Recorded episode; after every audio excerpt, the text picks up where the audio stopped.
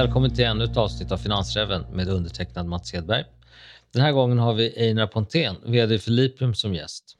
Lipium är ett listat bolag som tar fram läkemedel för kroniska inflammatoriska sjukdomar, till exempel artrit eller Crohns sjukdom. Vi kommer tillbaka till det, men först Einar Pontén. Vem är du?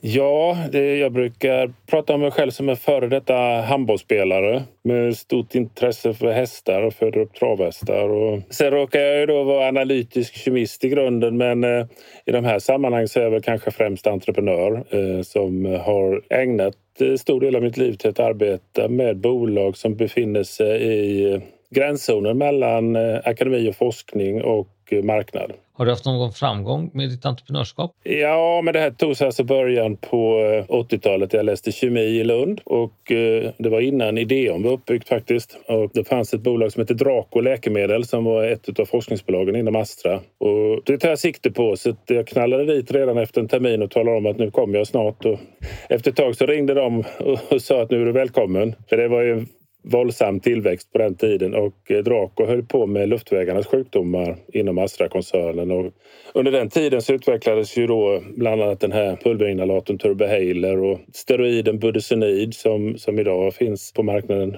i mängd olika bolag. Och eh, jag jobbade där i fem år med analytisk kemi och eh, det var en väldigt stimulerande tid. Och därefter så gick jag in och, tackade för mig och så flyttade vi till Umeå och började forskarstudera där och fördjupade mig i analytisk kemi. Alltså analytisk kemi gör man väldigt mycket prylar som används. Man gör reagens, man gör mätinstrument och vidare. Och det där ledde till att vi startade ett bolag som heter Sequant, jag och min handledare. 96 och skulle göra separationskolonner för att på ett smartare sätt separera proteiner. Och kolonnerna blev jättebra. Det var problemet var att vi kunde inte så mycket om proteiner. Så att eh, under resans gång så upptäckte vi att det var väldigt bra separationskolonner för små polära ämnen, alltså små ämnen som karboxylsyror, aminosyror och annat som läkemedelsindustrin på den tiden hade enorma problem med att analysera. Så att redan vid första presentationen som vi gjorde av produkten på Astra i, i Mölndal så köpte de tio kolonner. Och så åkte vi hem och funderade på hur sjutton ska vi hinna kunna tillverka tio kolonner? och eh, det där ledde sen till att vi blev världsledande inom en speciell separationsteknik, i sådana här separationskolonner. Så Merck Darmstadt köpte bolaget 2008 och då var jag dotterbolags-vd för Mercks forskningsbolag i Umeå eh, fram till 2012 innan jag bestämde mig för att lämna och gå tillbaka till den här ska vi säga, innovationsmiljön med nystartade bolag och eh, akademiska forskningsresultat som ska exploateras. Så det var så jag kom i kontakt med Lipum 2016 och eh, såg då framför mig en enormt intressant idé och väldigt kompetenta grundare. Men det behövdes kanske kompletteras med någon som kunde driva det också. Kan du berätta lite kort om Lipum? Vad är det för bolag? Lipum är ju i grund och botten urtypen för ett akademiskt startupbolag. Ursprungligen så eh, bygger det på forskning med 30-40 års perspektiv. Eh, professor Ola Ernell började studera näringsupptaget hos spädbarn från bröstmjölk och hittade ett enzym i bröstmjölken som han upptäckte då och gav namn till. Som vi för enkelhetens skull kan kalla BSSL, men det står för Bile Salt Stimulated Lipase. Och det här enzymet eh, följde han och, och, han och hans forskargrupp forskade kring det. Men, men eh, flera årtionden senare så upptäckte de att BSSL också fanns i cirkulationen, alltså i blodomloppet och i urin och på andra ställen. Och, och då blev de lite konfunderade för de förstod inte hur det hängde ihop. Dit kunde det inte komma från bröstmjölken. Inte så att när de började leta källan till BSSL så studerade de bland annat prov från patienter som hade fetlever och hittade förhöjda halter utav BSSL och fetlever är ett inflammatoriskt tillstånd. Så att då fick de liksom en första ledtråd att BSSL kanske hade ett samband med inflammation och eh, då tittade man på åderförkalkning. Eh, åderförkalkning är också en form av inflammatoriskt tillstånd och även där var halterna av BSSL förhöjda. Hoppla då hade de alltså gjort en upptäckt som var inte inom barn hälsovård utan det här var ju inom inflammatoriska sjukdomar. Så att då började de titta i olika typer av djurmodeller och kunde konstatera att det fanns ett samband mellan BSSL och uppkomsten utav, eh, eller förekomsten av inflammation. Eh, och det var själva grund, startpunkten för dem. Då beslutade de sig för att starta Lipum som grundades 2010. Och då sökte man också patent för behandling av inflammation genom blockering utav BSSL. Vad är det för sjukdomar ni ska lösa? Ja, alltså kroniska inflammatoriska sjukdomar är en oerhört vid definition. Eh, väldigt många sjukdomar, folksjukdomar är relaterade till inflammation. Men vi är ju fokuserade på i första hand då det som kallas för reumatoid artrit, alltså ledgångsreumatism.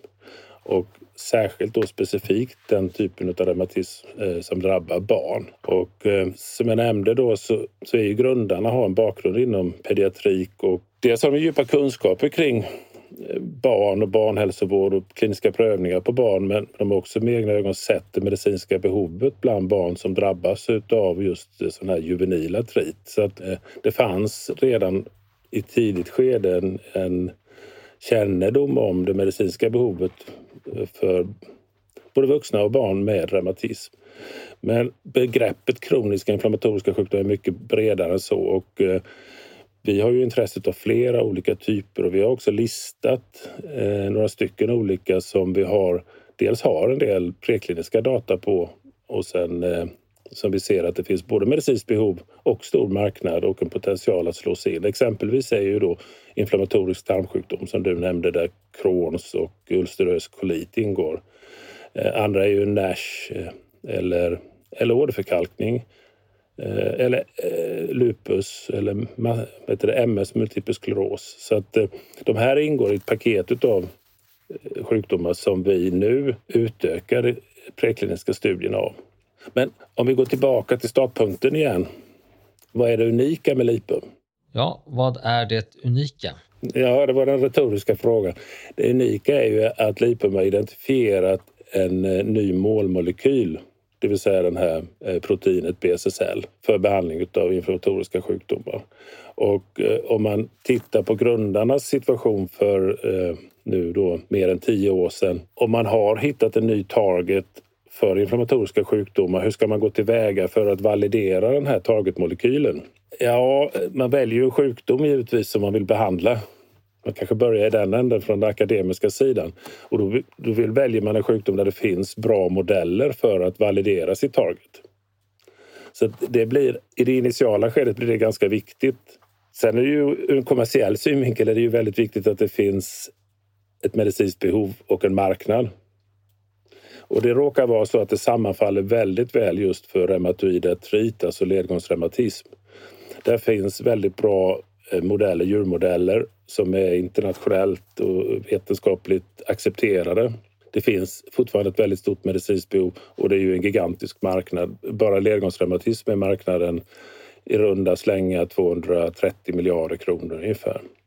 Så att det, det börjar i den änden att man tittar på möjligheten att validera sitt target. Men nu har vi ju kommit så långt också så att vi har en klinisk utvecklingsplan och den tar sikte på att nå ett marknadsgodkännande för behandling utav juvenil artrit som drabbar barn. Det är ju en sällsynt sjukdom så att eh, i den strategin ingår att eh, söka så kallad orphan drug designation, alltså för att i slutändan erhålla särläkemedelsstatus för vårt eh, kommande läkemedel. Det här är en läkemedelskandidat som ska genomgå kliniska studier. Vad ska man ha för tidsperspektiv och var befinner ni er? Ja, jag, jag sa att de började för 40 år sedan. Tidsperspektiv är ganska intressanta om man talar om väldigt många, alltså alla utvecklande läkemedelsbolag utav vår typ, biotechbolag. Man har ju väldigt tydlig är ju en fas är ju den prekliniska perioden. Och den prekliniska perioden den kan i princip vara hur lång som helst. Och den började kanske någon gång då för 20 år sedan i, i bolaget. Nu är vi ungefär ett år från att komma in i klinisk fas, alltså att göra studier på människa. Så att vi är nära att starta kliniska prövningar. Och då går vi ju in i första hand, först, under nästa vår så räknar vi med att starta fas 1A-studier på friska frivilliga som sen i fas 1B ska följas av studier på vuxna patienter med reumatoid artrit där vi räknar med att vi ska kunna dels göra en eh, klinisk eh, diagnostisering och se effekt, medicinska effekten på de här och också mäta på mer objektiva parametrar som biomarkörer, alltså proinflammatoriska biomarkörer. Så att efter fas 1b-studien så ska vi få en form av första medicinska kliniska indikationen på att det här fungerar. Men eh, sen måste man ju vidare in i fas 2. och De är ju betydligt mer omfattande studier och de räknar vi med att eh, kunna starta 2024 och eh, ungefär två år tar de. Eh, därefter så är fas 3 och eh, beroende lite på utfallet i de tidigare studierna så blir ju fas 3 olika längd så att eh, ett marknadsgodkännande för behandling av juvenil artrit skulle kunna nås 26-27 eh, eh någonstans. Så det är både för barn och för vuxna? Om man ska bedriva läkemedelsutveckling i den fasen vi befinner oss nu så måste man ju ha en, en utvecklingsplan som går ända fram till ett marknadsgodkännande för den indikationen som man siktar på. Och I vårt fall så är det ju juvenil artrit, alltså det som drabbar barn. Men i det kliniska programmet så kan man inte börja studierna på barn. Man får helt enkelt inte det utan man måste börja med vuxna som har eh, ledgångsreumatism som är då ändå en väldigt, ja, det är ju snarlik sjukdom på vuxna och barn. Så att man börjar med barn, äh, med vuxna i fas 1 och i fas 2. och Sen glider man över till barn när man har säkerställt att det är säkert att behandla och att det har effekt på vuxna. Så ett bolag som Lipum, hur långt kan ni ta en sån här produkt eller en kandidat? Ja, ytterst handlar det väl egentligen bara om kapital, hur långt man kan ta den. Men sen, men sen handlar det om en form av smartness också, vilket är det bästa sättet och snabbaste sättet att ta den till marknaden så att det genererar intäkter. Från början var vår tillgång att vi identifierat en ny target, den här BSSL-proteinet. Nu är vår tillgång att vi har en färdigutvecklad terapeutisk antikropp, SOL 116 som vi har en tillverkningsmetod för och som vi vet att den har alla de egenskaper som man önskar från en terapeutisk antikropp. Det, det pågår toxstudier av Sol 116 just nu och i sommar så kommer vi producera av läkemedelskvalitet, alltså det som kallas för GMP-produktion. Så att efter sommaren så har vi material för att fylla evialer och injicera i människa i de kliniska studierna. Och Sol 116 blockerar BSSL och aktiviteten av BSSL. Det vi tänker driva själva fram det är till fas 1B och studier där vi har verifierat på vuxna patienter med reumatoid artrit. Men parallellt med detta så tittar vi prekliniskt på fler sjukdomar och söker aktivt efter partners bland andra läkemedelsbolag som har fokus på andra kroniska inflammatoriska sjukdomar. Och inte bara att de har fokus utan de har de har kunskap, de har eh, marknadskontakt och de har nätverk utav Key Opinion Leaders och de har nätverk utav kliniker som kan göra studier. Så att väl att vi har vår antikropp i vialer så kan den så att säga ingå i studier av många olika eh, sjukdomar, bland annat då Crohns eh, sjukdom eller ulcerös kolit.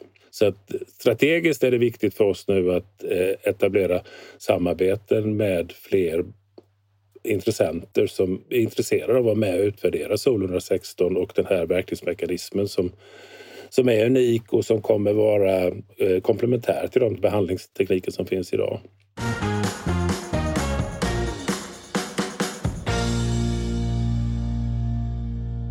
Jag antar att om man tar det så långt att, som till ett godkänt läkemedel så bygger man inte upp en försäljningsorganisation? Ja, absolut inte. Utan eh, någonstans på vägen så behöver man ju ha partners Dels både för att driva större kliniska prövningar och för att göra marknadsintroduktion. Och när det gäller juvenil artrit så är det absolut mest intressant med den amerikanska marknaden. Och det har inte föresvävat oss att Lipum eh, bygger upp en marknadsorganisation i USA för att marknadsintroducera vårt läkemedel där. Det, även om det ligger långt bort i tiden så, så är inte det som är målet utan målet är att få produkten introducerad. Hur ser marknaden ut för den här typen av läkemedel? Ja, alltså historiskt sett så har ju de som är drabbade av reumatism haft en väldigt gynnsam utveckling på läkemedelssidan. För går man ett antal decennier tillbaka i tiden så var prognosen oerhört dålig. Sen kom olika typer av kortisonbehandling som sen ledde över i eh, ska vi säga, immunosuppresserande läkemedel, alltså kemiska molekyler eh, som, ja, som kan jämställas med cellgifter eller cytotoxiska eh, som ska hämma celltillväxt. Så att säga. Ett exempel på det är då metatrexat som väldigt många av patienter med reumatoid artrit får. Men om inte det hjälper patienterna så har de ju då sedan början av 2000-talet haft möjlighet att få biologiska läkemedel.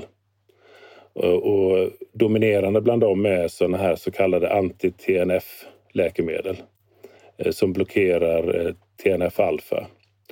Och eh, dagens, alltså världens mest säljande läkemedel genom alla tider och även för förra året är ett läkemedel som heter Humira som är en sån här anti-TNF-läkemedel, alltså en biologiskt läkemedel.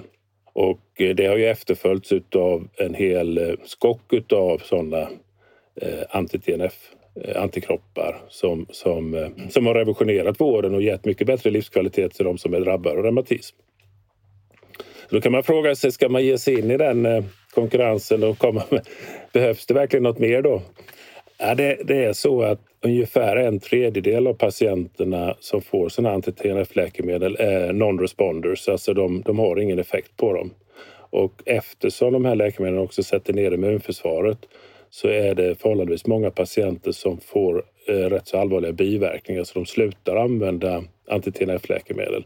Så att en stor grupp utav patienter är inte fullt ut hjälpta över tid med sådana här anti-TNF-läkemedel och där behövs det en alternativ verkningsmekanism. Och där ser vi en, en, en klar potential att komma med en helt ny target, en helt ny typ av antikropp och, och slås in på den cirka 30 procent, i alla fall minst 30 procent av patienterna. Då. då tar ni det här till en ny nivå, kan man säga det? Ja, alltså i och med att det är en ny target så finns det ju potential att bli verkligen first in class, alltså att vara en... Ja, man kan potentiellt bli ett paradigm i behandling av patienter med kroniska inflammatoriska sjukdomar. Det vet man ju inte förrän man har gjort eh, kliniska prövningar faktiskt. Men tittar man på möss och råttor så finns det då mycket som talar för att vi kommer med någonting som kan vara till stor hjälp för de som inte har eh, fungerande läkemedel idag. Om man nischar ner det här eh, det är ju så att de här biologiska läkemedlen väckte ju väldigt stor debatt när de kom i början på 2000-talet därför att de var så fruktansvärt dyra. Och man började ju till och med ifrågasätta liksom, vad är en persons livskvalitet värd? Så är det inte riktigt idag, men det är fortfarande så att en årsbehandling för en patient i USA med reumatism kan ligga på en någonstans mellan 30 och 50 000 dollar i alla fall i kostnader. Så att tittar man på reumatism hos barn så är det cirka 600 000 barn i världen som har den här juvenila artrit. Och man räknar med att ungefär 30 procent av de barnen får eh, biologiska läkemedel, avancerade läkemedel. Och även om vi bara tar en bråkdel av det så har vi bedömt att den accessbara marknaden för Lipums antikropp skulle ligga någonstans mellan 4 och 12 miljarder för den här sällsynta sjukdomen juvenil artrit. Så att priserna på biologiska läkemedel är väldigt höga och de nya läkemedel som har kommit som inte är biologiska, som är småmolekyler de är eh, ännu dyrare. Så att eh, även om man, man, räknar med att det kommer ju så kallade kopior även av biologiska läkemedel och de kallas ju för biosimilars. Om man räknar med att patentutgångar och annat för just sådana här TNF-alfa-inhibitorer gör att marknaden kommer pika någonstans 2025 och sen kommer det totala märdet börja stagnera eh, på grund av kopior i form av biosimilars. Men samtidigt så innebär det ju också att de stora läkemedelsbolagen är väldigt intresserade av att hitta eh, alternativa verkningsmekanismer som kan vara komplementära till deras eh, befintliga läkemedel. Och där ser vi också en potential en viktig aspekt av behandlingen av sådana här inflammatoriska tillstånd är att själva grundprincipen för läkemedel är att de ska sätta ner immunförsvaret. De undertrycker immunförsvaret, alltså immunreaktionen. Och eh, där har vi ju anledning att tro att blockering av BSSL med vår antikropp inte kommer ha samma dramatiska effekt på immunförsvaret, vilket då minskar risken för sekundära eh, infektioner och följdsjukdomar. Så att eh, vi tror nog att vi ska kunna ha en, en, en stor potential som ett kom, komplement till befintliga eh, biologiska läkemedel. Väl att vi har passerat eh, klinik. Nu tror jag att många som lyssnar här har insett att det finns potential. Du har sålt in det ganska väl. Ja. Men det vore inte finansräven att inte prata lite finanser också. Hur ser kapitalbehovet ut framgent? Vi gjorde ju en listningsemission nu i april i samband med noteringen på First North där vi, emissionen var på 85 miljoner och eh, man kan säga att netto efter kostnader cirka 75 miljoner. Så att vi har, vi har eh, drygt 75 miljoner i kassan för tillfället. Och eh, det räknar vi med räcker till tredje kvartalet 2022 då vi genomfört fas 1 A-studien. Men samband med noteringen så noterades ju i form av units så det var en vidhängande teckningsoption som faller till lösen i eh, augusti nästa år och eh, kan då potentiellt tillföra bolaget ytterligare 60 miljoner vilket räcker en bit in på 2024 till egentligen till att vi kan starta fas 2-studier. Då. Med optionen, om, om, om optionen går till lösen så har vi finansiering fram till start av fas 2 vi har ju, om man tittar bakåt i tiden, så första såddinvesteringen i bolaget gjordes eh, sommaren 2016 utav eh, Almi Invest.